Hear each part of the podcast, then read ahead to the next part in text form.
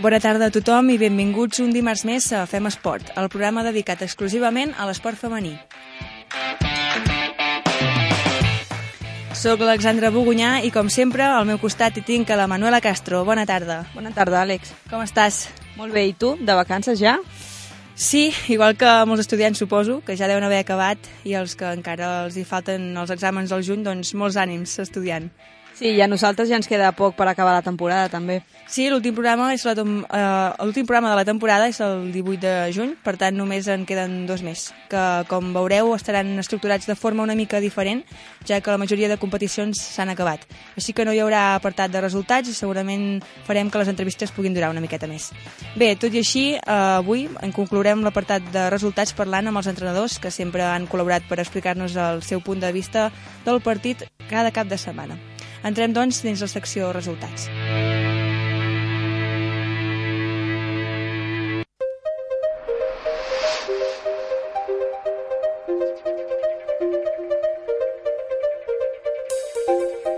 Com de costum, comencem amb el primer equip de futbol, recordant que aquest any han fet una molt bona campanya preferent, ja que acabaven de pujar i han quedat sisenes.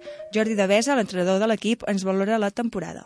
Bé, la temporada jo crec que ha estat un èxit total en quant a resultats. Com vaig comentar, segurament amb una enquesta amb equips i entrenadors de preferent femenina, el Manlleu eh, el juliol, agost, era un clar aspirant al descens i hem demostrat que, que no només no hem baixat, sinó que hem salvat la categoria moltes jornades abans d'acabar la temporada i que hem quedat 600 per davant de, de transatlàntics com Manuel Lanzarote, Sabadell, empatat a punts en Porqueres, a només 10 punts del segon. Vull dir que jo crec que la temporada és un èxit rotund, rotund.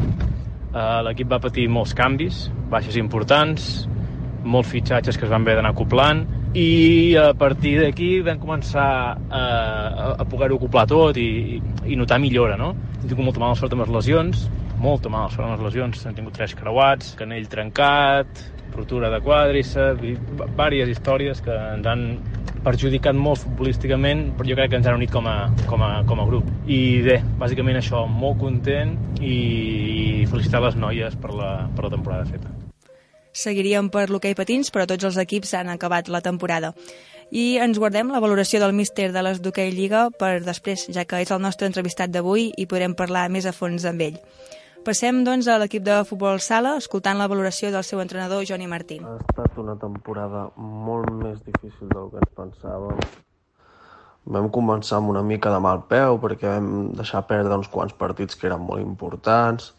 Llavors vam tornar a retomar, vam tornar a guanyar molts partits, tornar a pujar de, de puesto. De totes maneres, eh, em quedo amb coses molt positives d'aquesta temporada som, em sembla que l'únic equip que ha aconseguit guanyar a les primeres, a les líderes. De fet, a casa seu empatem, a casa nostra guanyem. O sigui que això és molt important. Els equips més forts eh, ens hem plantat cara, hem estat allà. Vull dir que en aquesta categoria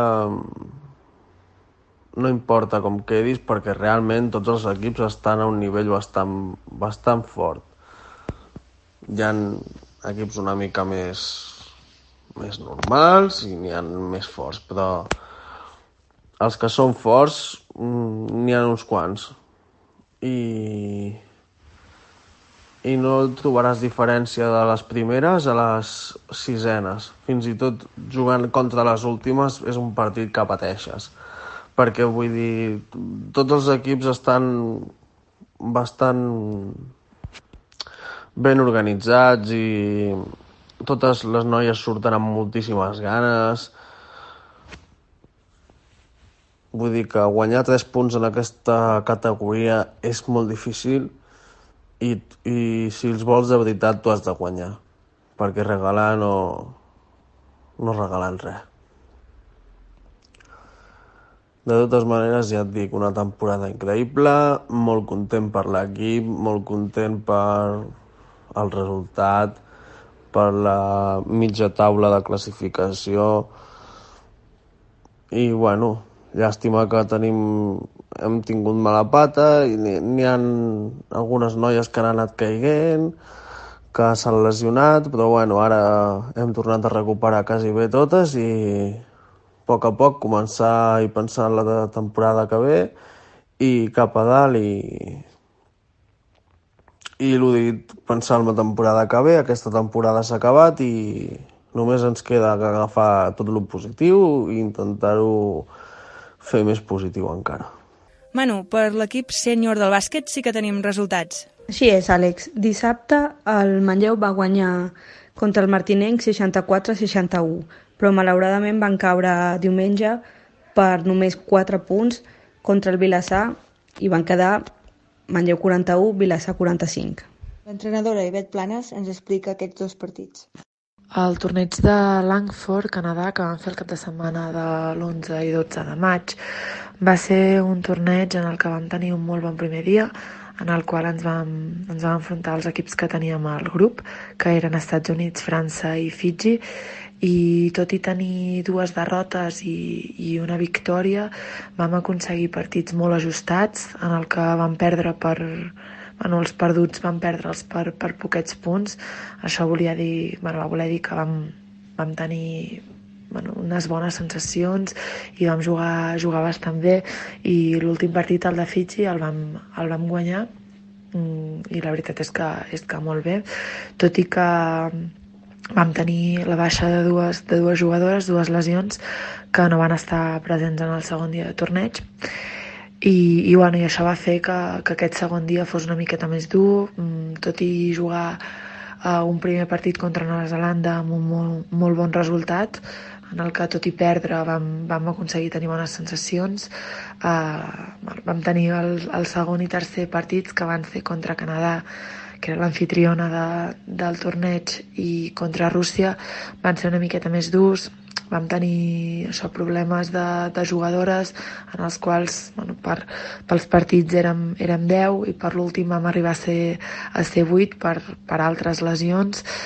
Així que bueno, mm, aquest torneig va estar una mica marcat per lesions, però a nivell de, de joc, de sensacions, van ser bastant bones. I a nivell personal doncs, vaig, vaig jugar bastants minuts. De fet, vaig sortir en els sis partits de titular i, i bueno, vaig participar bastant en el joc i vaig tenir bones sensacions, tot i el cansament, els, les victòries i les derrotes que, que vam tenir. I, i bueno, marxar amb un, vam marxar amb un resultat bastant eh, positiu pel primer dia que hem tingut i, i, bueno, i pel primer partit del, del segon dia. Així que estem prou satisfetes amb el, amb el resultat, que al final va ser... Bueno, vam quedar vuitenes del, del torneig i bé, a seguir treballant pel, pel pròxim, que és, que és Biarritz. Els equips base també han acabat les seves respectives lligues, així que podem anar ja cap a la secció d'actualitat.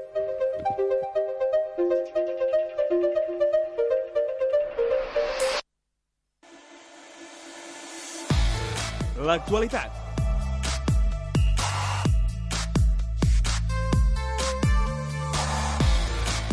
Tenim algunes notícies d'esportistes manlleuenques i que hem tingut eh, d'entrevistades al nostre programa. Així és, com és el cas de la Raquel Costa, professional de l'equitació que s'ha classificat pel Mundial de Raids.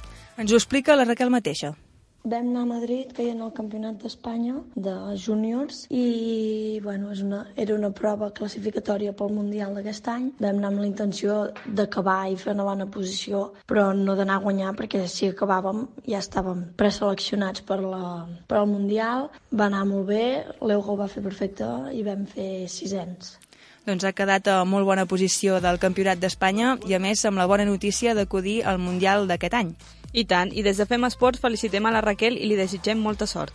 La Ruth Casas, escaladora a qui també vam entrevistar, ha guanyat la tercera prova de la Copa d'Espanya Absoluta de bloc, que es va celebrar a Plasència. La jugadora de bàsquet d'èlit, Mamà Dembélé, se'n va a Letònia el dia 8 i torna el dia 13 d'aquest mes. Recordem que va ser una de les dues escollides com a representants d'Espanya per disputar un, un campus europeu amb esportistes de l'NBA i altres grans institucions del bàsquet. Si seguiu per les xarxes socials a la jugadora de rugby Elisabeth Martínez, haureu vist que està a Sierra Nevada amb la selecció espanyola. Allà estan 17 jugadores entrenant amb altitud des del dia 20 de maig fins al dia 6 de juny. Es tracta d'entrenaments majoritàriament eh, per millorar la condició física. S'estan preparant per la, per la següent World Series que es disputarà el 15 i 16 de juny a Biarritz. Ens seguirem informant. I per últim tenim a Laia Ruiz, professional del patinatge artístic, que aquest cap de setmana ha estat a Bilbao pel Campionat d'Espanya. Ella mateixa ens explica com li ha anat. Del 29 al 1 de juny vaig fer els campionats d'Espanya a Bilbao de patinatge artístic i el 29 vam posar rum cap a Bilbao i després eh, també vaig fer els entrenos oficials de 35 minuts. Llavors el 30 al matí vaig fer 10 minuts de contacte pista i llavors a la tarda vaig ja competir amb el discurs i, bueno, uh, no em va anar del tot bé, però tampoc em va anar molt malament. Uh, vaig fallar una cosa i va fer que no em pogués classificar per fer el disc llarg, que es feia el divendres 31. I, bueno, i després el, l'1 de juny es van fer ja els entrenos, ai, el, la clausura del campionat. I bueno, jo d'aquesta experiència estic super contenta, m'ho he passat molt bé amb els meus amics d'allà i bueno, que ojalà l'any que ve ho pugui tornar a passar al Campionat d'Espanya i tornar-ho a lluitar per poder fer els dos discs. Hem fet un bon repàs de les notícies destacades d'entrevistades que hem anat tenint al nostre programa. Dit això, anem cap a l'entrevista on ens espera l'Arnau Casanovas.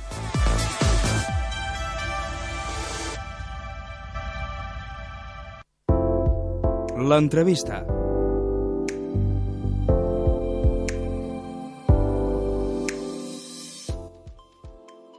Programa anterior vam comparar el primer equip del Barça amb l'equip d'hoquei patins femení de Manlleu. Tenien una temporada il·lusionant que per qualitat, jugadors i ganes podien haver-ho guanyat tot, però en partits decisius la sort ens ha, no ens ha acompanyat. Això no treu que s'hagi fet una gran temporada. Bona tarda, Arnau. Hola, bona tarda. Què en penses d'aquesta reflexió? Sí, sí, sí, la veritat és que per guanyar títols eh, aquest any eh, ha quedat demostrat que no només cal una constància, que crec que, que l'equip l'ha tingut, sinó que en els moments clau, en els moments importants, doncs, doncs tenir també aquest punt de constància i aquest punt de, no sé si dir-ne sort o, o d'arribar en un bon moment, que, que et faci això, no? fer, fer aquesta passa endavant i, i acabar portant a tu el títol hem tingut aquest problema aquest any, jo crec, que, que jo crec, podríem dir, amb dos partits i mig eh, no hem estat eh, fines, no, no hem aconseguit eh, guanyar, guanyar el partit i això ens ha condicionat, doncs, això, no? que, que podríem dir, amb tres partits eh, ens hem quedat sense cap títol. Què creus que ha pogut passar des d'una perspectiva general? Bé, jo crec que cada competició ha sigut un munt, no? com, com es diu. Crec que, per exemple, sí que és veritat que, que a nivell de la temporada eh, el regust dolent el deixa la Copa de la Reina, on crec que, que simplement s'ha de dir que no vam estar bé, que, que l'equip eh, pot competir molt millor del que vam aconseguir competir allà. Allà crec que no, no ens va sortir un bon partit, però també és normal que en una temporada doncs, l'equip pugui tenir partits dolents. Uh, el problema és que va ser en un partit de, de cara o creu, que, que, no, que comportava que si el perdies estaves fora, i crec que aquesta sí que és la part negra de, de la temporada. No? Els altres partits, jo crec que la Copa d'Europa uh, jugues una semifinal amb un Palau, que ja s'ha vist que és un, un, un gran equip, uh, es, es va competir molt bé, jo crec que van haver-hi moments del partit que ens els haguéssim pogut emportar nosaltres, però la Laura Vicente, que per mi és la millor portera del món, doncs, doncs ho va parar absolutament tot, i, i a la tanda de penals, doncs, doncs res, no? va, acabar, va acabar caient per la seva banda. Jo crec que a nivell de la Copa d'Europa no ens podem recriminar res perquè, a més a més, eh, vam tenir un quadre molt complicat. Vam eliminar el Gijón, que era l'actual campió d'Europa, sí. amb un 5 a 0 casa. Vol dir que, que crec que, que l'equip a la Copa d'Europa ha, estat, ha estat molt bé i ens ha faltat res, aquest punt de, de poder en aquella semifinal amb el Palau doncs, doncs poder-ho acabar portant cap, a la nostra, cap al nostre costat i en canvi va caure pel seu a nivell dels penals. No?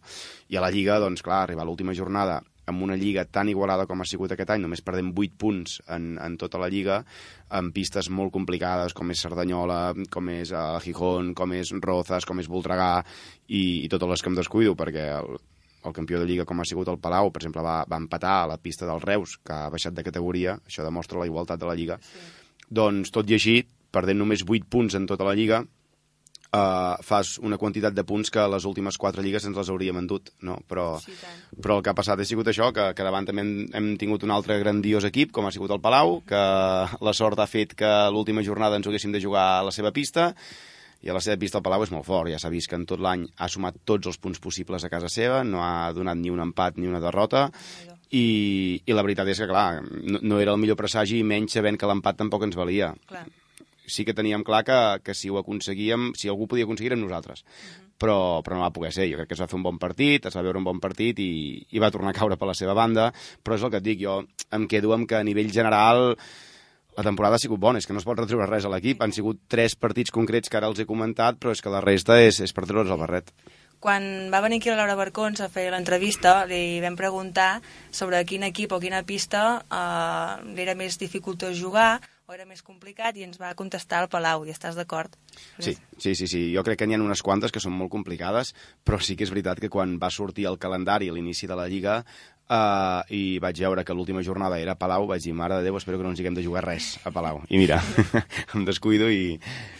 Uh, des de fora he sentit més d'un cop uh, que aquest any ho guanyaríeu tot perquè teníeu un equipàs.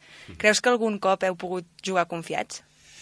No, no, i això és una cosa de les que a mi em sap molt de greu que, que la gent pugui comentar. Jo crec que les persones que diuen que l'equip ha sortit a jugar confiat o que l'equip ja es pensava que, havia, que ja ho havia guanyat tot i aquestes coses, a mi em demostren que clarament no coneixen a cap integrant de l'equip, a ni una.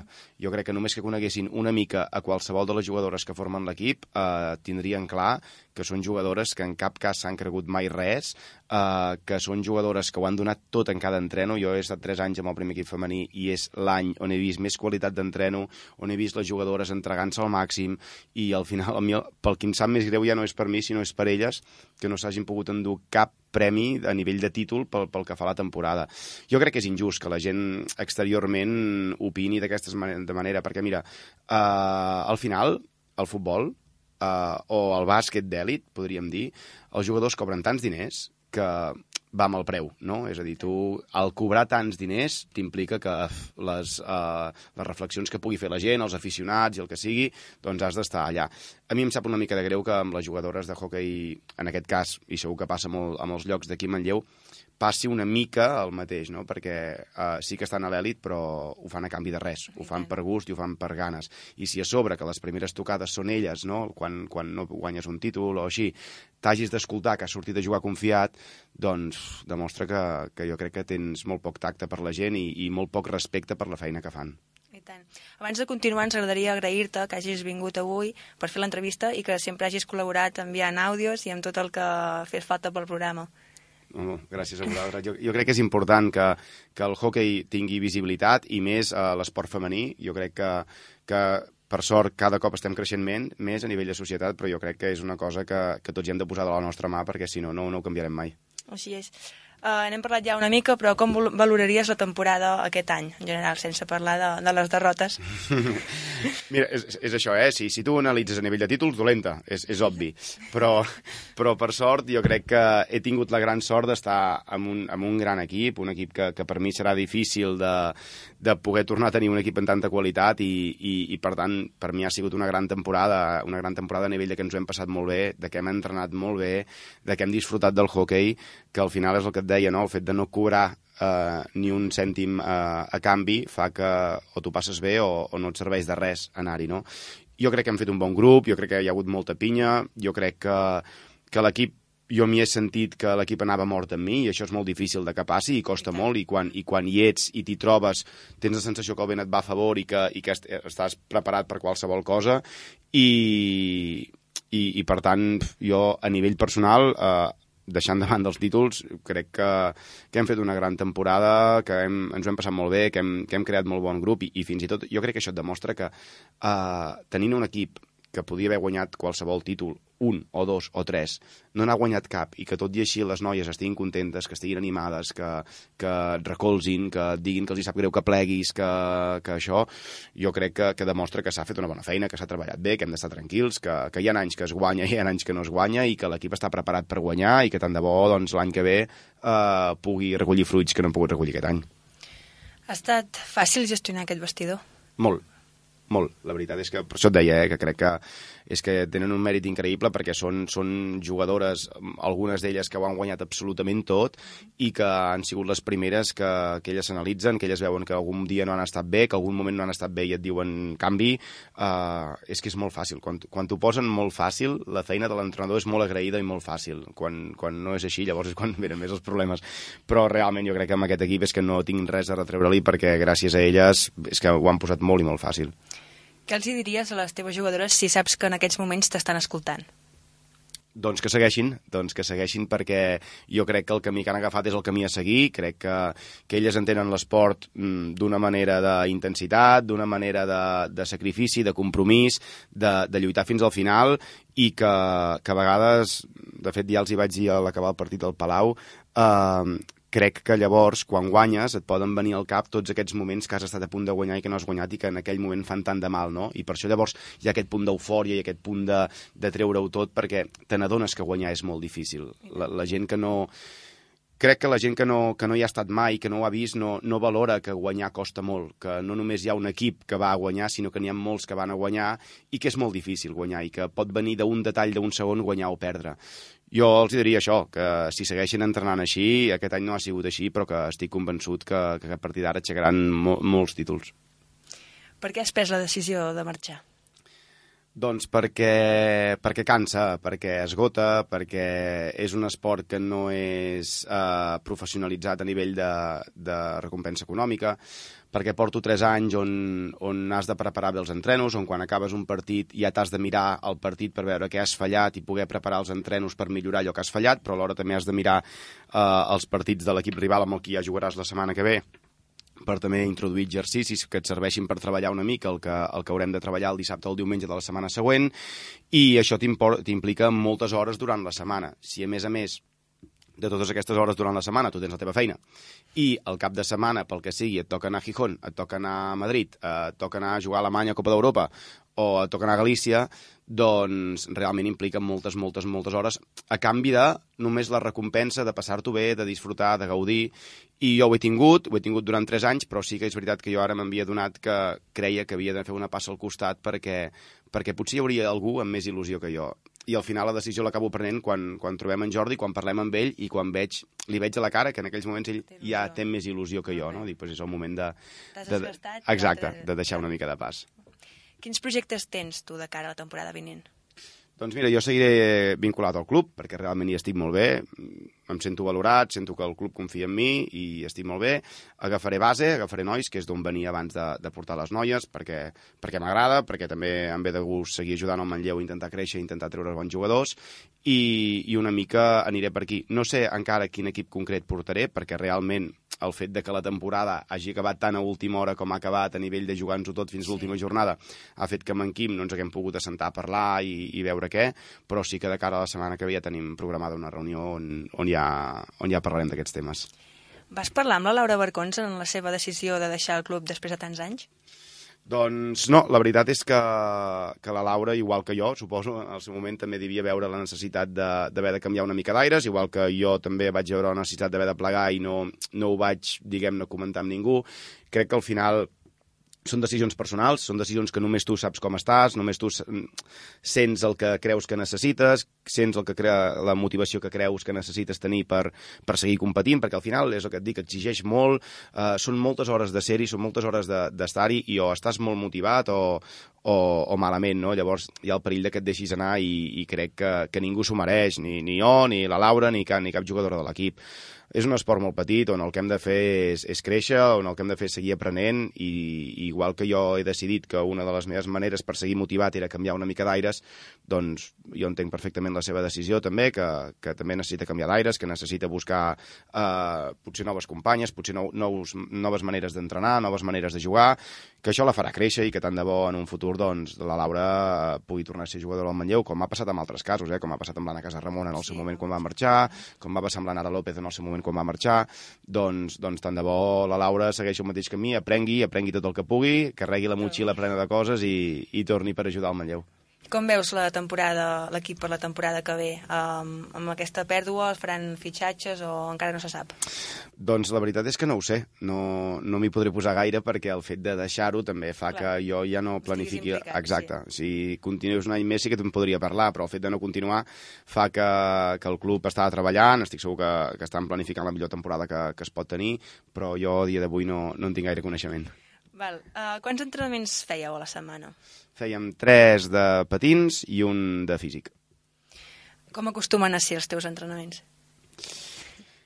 Bueno, doncs una mica és el que et deia, no? O sigui, jo el que acabo fent és analitzant el partit del cap de setmana com ha anat, on hem fallat, això ens ho apuntem, ho parlo amb en Quim, que és el que em fa de segon i que, i que m'ajuda, i també comencem a valorar una mica com serà el partit del cap de setmana següent. A partir d'aquí intentem els dilluns que entrenem a la nau, que és una pista més reduïda, doncs començar a treballar potser alguna cosa de les quals hem fallat i de les quals hem de millorar, i de cara al dimecres i el dijous potser ja és més per preparar el partit de, de la setmana següent. Tot i així sempre intento que els entrenos siguin a nivell de competició, a nivell de fer dos equips i que hi hagi un exercici i durant 5 minuts, per exemple, a veure qui fa més gols fent-ho d'aquesta manera o en competició amb contraatacs o, o amb alguna cosa d'aquestes perquè al final crec que la competició, sobretot en aquestes noies que tenia aquest any, és el que porten a dintre, és el que les fa moure, és el que les fa córrer i, i realment ha sigut així. Jo crec que, que elles estaven supercompromeses, elles llançaves la bola al mig i ja hi anaven i, i, i ha sigut com una roda que s'ha anat retroalimentant, no? Jo els hi donava competició, elles la compraven, elles corrien, elles hi anaven i per tant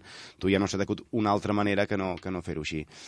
Són competitives i per tant la millor manera per tenir-les motivades és fins i tot entre nosaltres anem a competir, no? Però des d'una forma sana, com ha sigut, i, i passant-nos-ho bé. Doncs t'ho han posat fàcil, i tu a elles també. Sí, sí, em sembla que sí. Decideixes l'alineació del partit en, en funció del partit de la setmana o de qui ha entrenat millor, per exemple?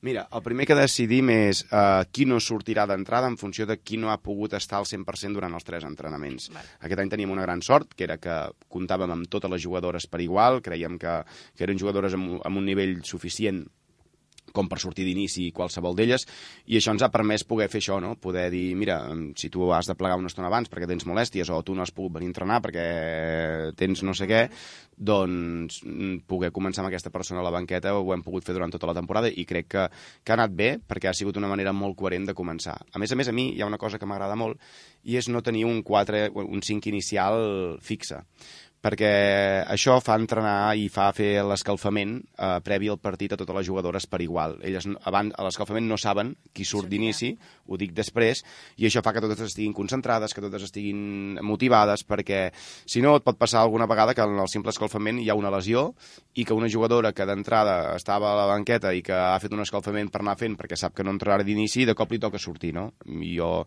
crec més en aquesta altra manera de fer-ho. Anem pels inicis. Uh, com, com vas començar amb el món del hockey? Uf, de molt petit, de molt petit al meu poble, Centelles, uh, un amic meu tenia el seu germà gran que jugava a hockey i un dia, res, vaig anar, devia estar jugant amb ell, m'imagino, i devia anar al pavelló perquè els seus pares devien anar a buscar el seu germà gran i vaig vaig veure això, no? una cosa molt rara, uns tios amb patins corrent i amb un, amb un, amb un estic a les mans, i vaig dir, ep, dic, això m'agrada. I, I res, vaig estar allà al meu poble jugant a hockey, amb 16 anys ja em van oferir una mica portar l'escoleta, ajudar, em va agradar molt ja d'entrada, a mi els nens m'agraden molt i m'ho vaig passar molt bé, i a partir d'aquí la vinculació amb el Manlleu ve perquè jo vaig estudiar INEF, Uh -huh. I quan acabo INEF em truquen dient que els hi faltava un preparador físic aquí a Manlleu, que volien fer un salt de qualitat, una passa endavant, per intentar pujar a Nacional Espanyola. En aquell moment estàvem a, a Nacional Catalana, el primer equip masculí.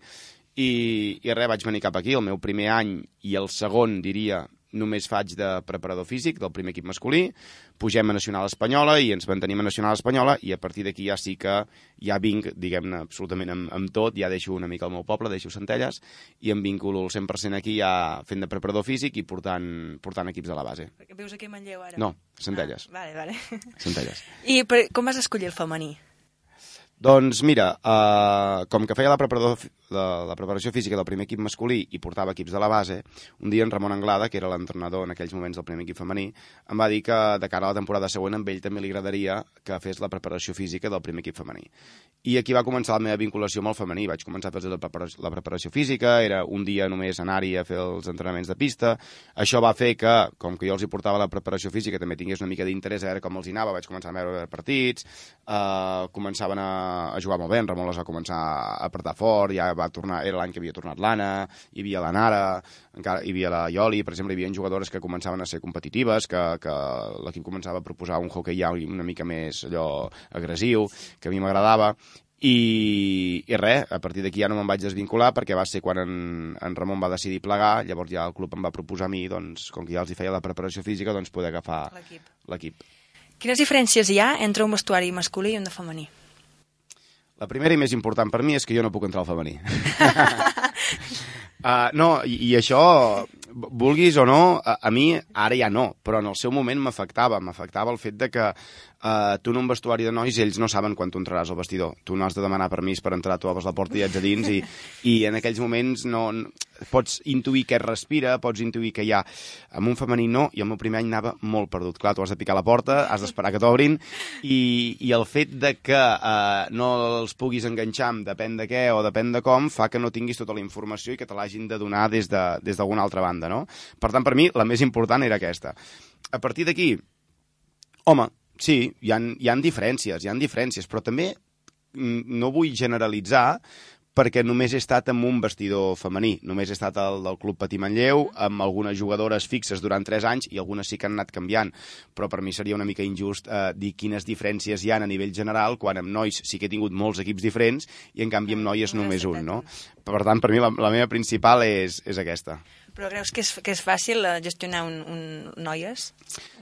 Sí, sí, jo crec que, que és com tot, eh? Si elles hi posen de la seva part, si, si al final tens un equip que està compromès i que va a treballar per un objectiu comú, serà fàcil. Serà fàcil gestionar un equip de noies i un equip de nois.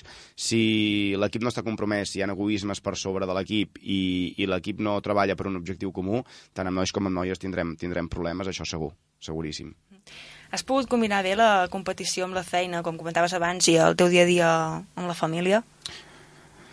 Sí, sí, Sí, ho he pogut compaginar perquè també et recolzen molt i perquè t'apoyen i, perquè, i perquè saben que t'agrada i perquè, i perquè no ho entenen d'una altra manera, no?, també. Però sí que és veritat que, que hi ha aquest punt de que tu mateix te n'adones de que estàs destinant moltes, moltes, moltes hores pràcticament a canvi de res eh, per, un, per un esport, per, per una causa, jo pràcticament diria, i, i això es nota, això es nota i, i sí que has d'agrair molt a nivell familiar tot el recolzament que et donen perquè, perquè no és fàcil, no és fàcil estar tres vespres fora de casa, no, no és fàcil estar... Exacte, no és fàcil estar els caps de setmana, que és quan potser tens més temps per estar no només amb la família, sinó també amb els amics. Clar. Uh, per estar amb ells i això, doncs, molts cops has de prioritzar altres coses, no? Uh, que ho fas a gust, ho fas per il·lusió, però sí que és això, arriba un punt que jo crec que va bé tancar una etapa per recuperar també altres coses que al final són persones i tenim molts vincles oberts en molts espais diferents. Tu t'han acompanyat a, a, com a afició en algun viatge, algun, algun part, als partits? Amics no, eh? Amics eh, esporàdicament han pujat a Manlleu. A desplaçament, sí. La meva parella ha vingut algunes vegades i els meus pares a, a veure alguns partits també també venen. Sí, sí. I l'afició us acompanya bastant? Teniu afició? Sí, la veritat és que tenim, tenim gent, tenim en, en Lluís Parés, sobretot, que per mi és el, és el capo de, de, de l'afició del, del Manlleu, que realment, per exemple, aquest cap de setmana a Palau, per nosaltres era un partit super complicat, un pavelló a rebentar, de gent del Palau, a casa seva, i, i jo crec que durant una estona nosaltres ens sentíem molt arropats per, per la nostra, els nostres 50 que van venir, em sembla, uh, 50 perquè no hi havia més entrades, eh? perquè si no segur que, que n'haguéssim pogut tenir més, però ens en van donar 50 i, i, i els teníem just a darrere la primera part i realment, ostres, agraïes molt que, que la gent estigués allà un diumenge al matí. Clar. Fem una última pregunta ja, que se'ns està acabant el temps. Què faries per promocionar l'hoquei femení i l'esport femení en general? Doncs, uh, mira, d'entrada, nosaltres, uh, jo he estat involucrat amb la sèrie aquesta de TV3, que, ah, sí, que es diu Les de l'Hockey. Sí, sí. Vam, ja vam anunciar. Uh, jo he ensenyat a patinar a les actrius i... Caram, no sabíem, sí, això. Sí, sí, sí, sí. I, i realment crec que, que més enllà de la ficció, perquè evidentment té trames que són de, de ficció i que, i que les necessiten perquè tingui un gir argumental i, i aquestes coses, jo crec que ens va molt bé. Ens va molt bé per, per donar visibilitat, al, a l'hoquei, que crec que és un esport que hi ha, molts espa, eh, hi ha moltes poblacions on, on és una mica desconegut i crec que està molt bé donar-lo a conèixer, i dos, des d'un punt de vista femení. Uh, a dia d'avui encara passa, no tant, però passa, que nens i nenes, quan estan a escoleta i han de decidir si se'n van cap a patinatge o cap a hockey, en alguna nena els pares potser no li fan gaire bona cara quan la nena diu que vol agafar un estic. I jo crec que, que és injust que és injust per les nenes vull dir, el, el, tot l'esport és, és tant masculí com femení i, I qui no ho vegi així és perquè estem matxacats per una societat que durant molts anys ens ho ha transmès d'una manera. Jo crec que amb, amb aquests tres anys jo un gran aprenentatge que m'aporto és que, és que és tan vàlid l'esport masculí com l'esport femení, que l'entrega i la passió i les ganes que hi posen és igual de vàlid, que és mentida que no sigui interessant, això és el que ens han transmès des de, des de molts punts de vista, des de mitjans de comunicació, diuen que no importa, que, que la gent no li motiva, no? I jo ho comparo molts cops amb, amb ja no masculí o femení, sinó amb l'esport en concret, no? El hockey no motiva. Bueno, el hockey no motiva perquè el hockey no l'ensenyes. Uh, si tenim tanta tele com, com té el futbol, potser hi ha gent que s'hi enganxarà més, no? El que passa és que és molt més fàcil que un nen, una nena o una persona que d'entrada no, no li importa massa l'esport s'enganxi a futbol que en té a totes hores, cada dia de la setmana, que no pas a hockey que no es veu absolutament mai. Per tant, jo crec que a nivell d'esport femení ha de ser una aposta que les televisions, que, que els mitjans de comunicació hi donguin la mateixa bola el masculí que el femení. Només així començarem a, a aconseguir que, que es comenci a parlar més de femení i interessi més el femení, no? Ja s'ha vist, amb, amb l'exemple aquest de la final de la Copa d'Europa de futbol, que, que la gent es va interessar, i que la gent li va interessar, i que la gent va mirar el partit, i que la gent estava, estava motivada i amb ganes de veure com, com es desenvolupava la final. És ganes de fer-ho, jo crec que és ganes de fer-ho i que, i que crec que és injust que, que tot aquest treball que, que fan, jo ara parlo del Manlleu, però al final eh, estic segur que la majoria de clubs com, com som el Manlleu es fa on aquestes noies destinen tantes hores al dia, on et venen algunes de Mataró, on et venen de Massanet, on et venen d'Igualada, tres dies a la setmana, primavera, tardor, hivern, entrenar, on destinen el cap de setmana pràcticament a, a només poder competir, poder jugar i que són tan bones, perquè algunes d'elles són campiones d'Europa, campiones del món i que ho han guanyat absolutament tot, que ens les deixem perdre només perquè egoistament pensem que no importa. Jo crec que l'esport femení importa, importa molt i és molt bonic de veure. Doncs eh, acabem així i dient que la sèrie de les de l'hoquei té, té molt èxit i la podeu seguir el dilluns per, per TV3, no me'n recordo exactament a l'hora, però bueno, pel vespre nit, a les 10 de la nit. Molt bé, doncs Arnau, moltes gràcies per venir molta sort en tot i seguim estant en contacte a la temporada vinent. Molt bé, moltes gràcies a vosaltres.